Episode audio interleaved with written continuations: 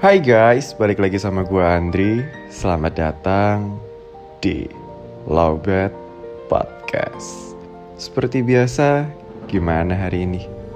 Capek ya? Sini, duduk dulu. Ambil posisi ternyaman kalian. Yang rokok, dinyalain rokoknya. Yang ngopi, dinikmati kopinya. By the way, tahu nggak sih guys, kalau selama ini gue tuh produksi Lowbat Podcast pakai Anchor.fm. Karena asli, menurut gue gampang banget bikin atau rekaman podcast pakai Anchor.fm ini. Udah gratis, lengkap lagi. Mulai dari record, editing, sampai tahap distribusi ke Spotify dan beberapa platform lainnya, semua bisa dilakukan hanya dengan satu aplikasi. Buruan deh, download Anchor.fm di Play Store atau App Store dan mulai podcast kalian sendiri. Sebelum episode ini dimulai, jangan lupa untuk follow, nyalain lonceng notifikasi, dan bantu kasih bintang ya.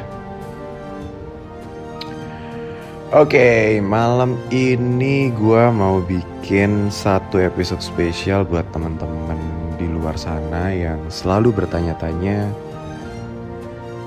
gue depresi. Masa sih gue depresi? Ah, yang bener nih, masa iya gue depresi? Jadi sepengalaman gue selama gue hidup sebagai penyintas atau orang dengan gangguan mental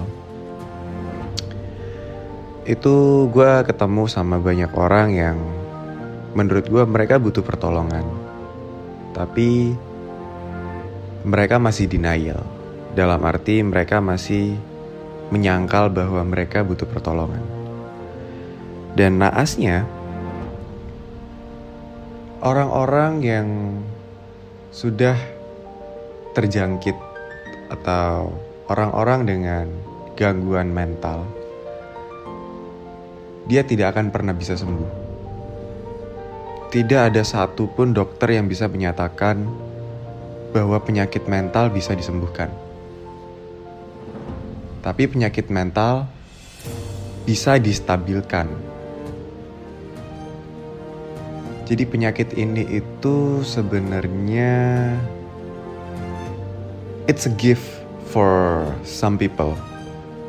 Kalau menurut gue sih, it's a gift ya, karena dengan adanya penyakit ini tuh, ketika kalian sudah berada di fase stabil, kalian sudah bisa mengendalikan penyakit ini. Jadi kalian tahu kapan kapan waktunya. Atau kalian tahu ka, kalian tuh tahu kalau udah kumat kalian harus ngapain. Caranya biar nggak kumat kalian tuh harus ngapain. Uh, atau apa ya? Kayak mempersingkat waktu kumatnya itu gimana caranya? Kalau kalian udah tahu cara-cara kayak gitu berarti kalian udah stabil. Bukan kalian udah sembuh ya? Karena itu tuh kayak semacam kalau penyakit tuh kayak apa ya? Batuk pilek nah kayak gitu-gitu. Itu tuh virus kan? Itu virus macam virus gitu. Kayak virus ya bukan virus kayak virus kalau batuk pilek kan bisa sembuh tapi kita bisa kena lagi nah ini sama jadi penyakit mental tuh bisa reda, bisa stabil. Tapi someday kalau triggernya ada, triggernya apa ya, kita ke trigger sama something yang bisa bikin kumat, ya kita kumat, gak bisa dipungkiri, itu pasti kita kumat. Apa sih gejalanya kalau kita sakit mental atau kita punya gangguan mental atau kita depresi? Atau gini deh, sebelum sebelum kita masuk ke situ, nanti gue diserang lagi kayak kapan hari. Karena gue pernah diserang ke gara-gara gue ngomong kalau gue tuh bisa tahu si A nih butuh pertolongan si B nih mentalnya kayak gini si C ini begini. Gue tuh pernah diserang. Waktu itu gue pernah di interview sama Quio.id di live secara live gitu. Ya gue mengutarakan apa yang gue tahu gitu apa yang menurut menurut gue benar tapi ada beberapa orang yang memang mungkin belum percaya 100% adanya mental health ini adanya gangguan mental health uh, adanya gangguan mental ini karena kan gangguan mental ini juga masih awam banget ya buat publik walaupun sekarang udah 2022 gitu. Banyak juga yang cari tenar via eh gue bipolar nih eh gue sakit mental nih terus mereka upload VT viral ya nggak gitu juga cara mainnya gitu loh. Gue aja pengen sembuh gitu. Gue aja nggak pengen sebenarnya punya punya ini riwayat. Kenapa kalian yang nggak punya seolah-olah mengada-ngada kalau kalian tuh punya gitu loh? Jangan dong. Kalau udah sehat ya sehat aja. Alhamdulillah gitu. Bagus dong. Jangan sampai kalian tuh ngerasain yang namanya depresi. Jangan sampai. Kenapa gue bisa tahu? Karena gue tahu rasanya. Dan gue pernah mengalami fase-fasenya jadi gue bisa tahu gitu hanya dengan lihat lihat mengamati lah hanya dengan mengamati gue tuh bisa tahu gitu. Orang ini gini orang ini gini. Sama kayak orang jualan buah. Tanpa harus nimbang dipegang aja diangkat gitu dia bisa ngira-ngira kan beratnya berapa. Nah sama kayak gitu gue gue cuma mengamati aja gue bisa tahu oh si A gini si B gini si C gini. Karena gue pernah mengalami setiap fasenya. Gue pertama kali dia di Dianoksa itu uh, apa ya waktu itu? Uh, suicide episode major depressive. Terus it, itu tuh kayak sejenis MDD kayak sejenis major depressive disorder gitu jadi udah depresi menengah dengan adanya gejala bunuh diri jadi buat orang-orang yang sempat melakukan beberapa percobaan bunuh diri itu biasanya juga ada kurang lebih sedikit banyak itu ada faktor-faktor gangguan mental juga. Depresi bukan gangguan mental, depresi. Terus abis itu naik uh, diagnosanya naik jadi bipolar sampai sekarang tuh bipolarnya sampai sekarang. Itu nggak bisa hilang. Cuma sekarang alhamdulillah udah stabil gue udah bisa ngontrol. Jadi kalau pertanyaannya ah yang bener nih masa gue depresi? Jadi depresi tuh hmm, ciri-cirinya kayak gini.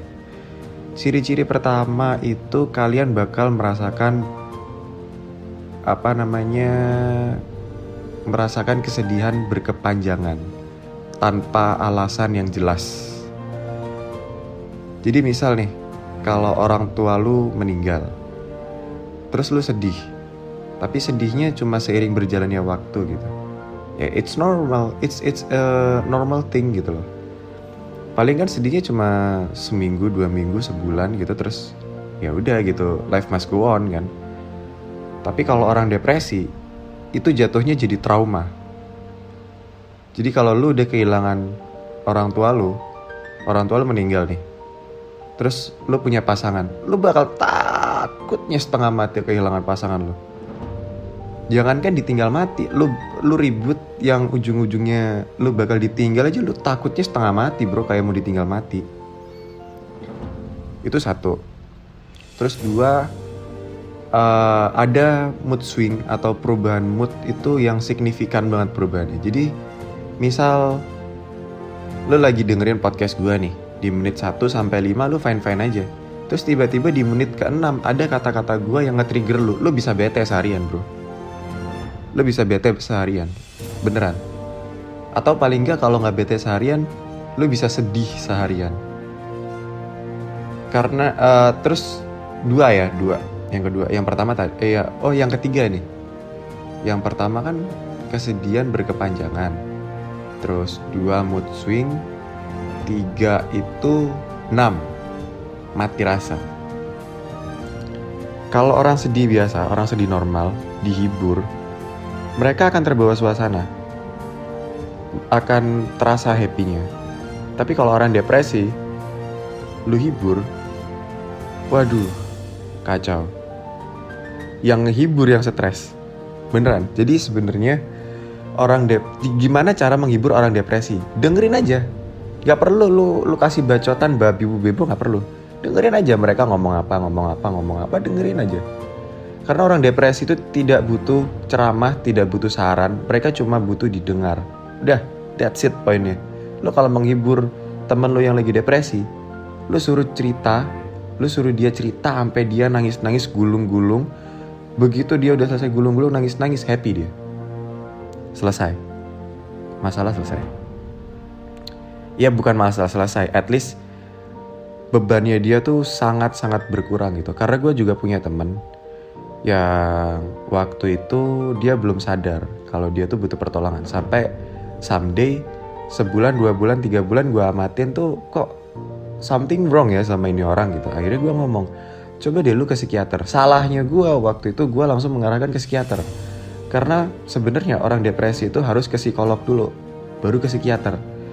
Karena gini loh kalau kita masih bisa diterapi kita jangan minum obat pak.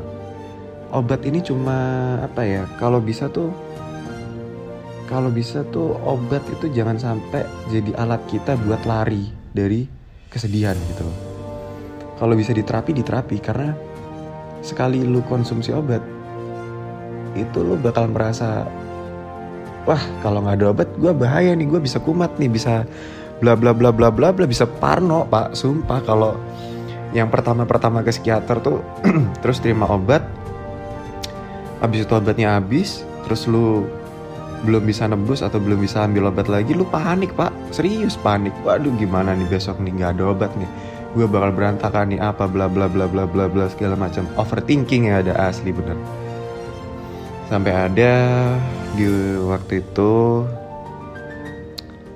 gue udah stabil. Temen gue ini yang lagi ancur-ancuran lagi kacau parah. Dan gobloknya gue ya gue tetap berusaha gitu. Gue tetap berusaha aja ngasih tahu ngasih tahu ngasih tahu. Akhirnya gue sendiri yang capek karena sebenarnya nggak bisa orang depresi tuh nggak bisa dikasih tahu pak. Mereka tuh cuma butuh didengar sebenarnya karena orang depresi adalah orang yang gagal menyelesaikan masalahnya. Akhirnya mereka depresi. Kalau orang sedih mereka tuh cuma sedih sampai masalahnya terselesaikan. Kalau masalahnya selesai ya udah sedih sedihnya selesai. Kalau depresi beda cerita. Depresi itu emang orang-orang yang gagal menyelesaikan masalahnya kayak gitu. Nah waktu itu gue tuh berusaha menyelamatkan teman gue dengan cara uh, dia cerita gue balas dia cerita gue balas dia cerita gue balas. Nggak kelar nggak keangkat juga moodnya. Yang ada ya gue sendiri yang stres gitu. Cuma memang uh, kalau lu mau ngetrit orang depresi, lu harus siap buat bersih-bersih. Kalau lu orangnya empatian atau gampang kasihan, gue saranin mending gak usah. Bukan bukan gak usah berurusan sama orang depresi ya. Maksudnya kalau dia lagi kumat, mending lu gak usah ikut campur daripada uh, energi negatifnya tuh melekat ke lu gitu loh dan lu nggak bisa bersih bersih itu energi negatif kalau gue kan gue udah biasa gitu begitu dengerin orang gue tangkep gue cerna gue jadiin karya terus gue lepas gue rilis jadi nggak sempet ngendep di hati nggak sempet ngendep di otak. Ada tuh beberapa orang. Nah kayak gue kemarin kapan hari ini jadi gue tuh lagi bantuin temen gue ada uh, lagi bantuin temen kantor gue yang depresi ini. Waktu kondisi gue lagi belum stabil. Waduh itu parah pak. Beneran itu parah. Jadi gue gue sendiri depresi dia depresi tapi gue masih berusaha bantuin dia gitu. Double bebannya ke gue akhirnya gue sadar oh ya gue nggak bisa nih akhirnya gue lepas tangan gue angkat tangan gue biarin dia jalan sendiri dulu begitu gue udah siap buat bantu lagi baru deh gue bantu lagi kayak gitu jadi buat teman-teman yang merasa merasakan beberapa gejala yang gue sebutkan tadi jangan ditunda-tunda kalau menurut kalian kalian butuh psikolog, temuilah psikolog. Karena gini loh.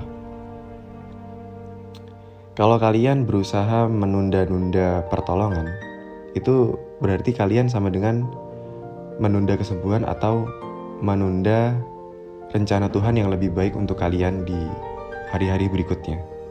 Jadi jangan sia-siakan setiap kesempatan yang diberikan oleh Tuhan untuk kita kita boleh nyerah tapi di waktu di saat kita nyerah itu Tuhan selalu memberikan uh, apa ya bantuan-bantuan yang tanpa tanpa kita sadari itu itu sebuah bantuan gitu loh. Kalau kata Panji Pragiwaksono waktu itu kita boleh capek kita boleh nyerah tapi jangan pernah berhenti untuk mencoba. Karena kita tidak tahu Tuhan itu sedang memberikan kita pertolongan lewat jalur mana. Itu kalau kata Panji Pragiwaksono buat teman-teman yang sedang mengalami atau merasa dirinya mengalami gejala-gejala yang gue sebutkan tadi semoga episode malam ini bisa membuka hati dan pikiran kalian untuk membuang jauh-jauh kata gengsi karena banyak juga orang-orang tuh yang denial cuma karena gengsi nggak mau dicap kalau dia tuh mental ill nggak mau dicap kalau dia tuh uh, eh, ODGJ orang dengan gangguan jiwa gangguan kejiwaan. Ya what's wrong gitu? What uh, what's wrong dengan ODGJ gitu? Nggak ada yang salah menurutnya. Orang kita cuma depresi kita bukan yang benar-benar literally ODGJ harus ya ya maksudnya yang sampai hilang kesadaran gitu loh. Bahkan uh, kalau kalian tahu Yova uh, seleb talk uh, kalian bisa cek tiktoknya. RSJ Survivor di tiktok. Dia itu mantan pasien rumah sakit jiwa. Dia sama-sama bipolar kayak gue cuma dia yang unspecific atau un unkategori gitu unkategori gitu. Pokoknya lebih parah dari gue lah. Dia sampai kehilangan kesadaran gitu. Dia sampai harus dirawat segala macam bla bla bla in the end of the day begitu keluar dia masih bisa jadi mahasiswi UI loh sekarang. Bahkan dia running beberapa seminar. Kalian kalau nggak percaya bisa cek di salah satu episode Lobet Podcast. Itu ada nam ada judulnya dari pasien RSC jadi mahasiswi UI kalian cek di situ ceritanya. Itu bener-bener valid. Jadi nggak perlu gengsi lah menurut gua. Coba deh kalian berdamai sama keadaan pasti nanti kalian nemu something new in your body gitu something new in your life. Kalian bakal nemu satu hal yang menurut kalian belum pernah kalian temukan dan itu indah banget rasanya. By the way, sorry sorry, bukan tidak ada satupun dokter yang bisa mengatakan kalau penyakit mental ini bisa disembuhkan, tapi uh, tidak ada satupun orang yang menyatakan kalau sakit mental ini dapat sembuh dengan sendirinya.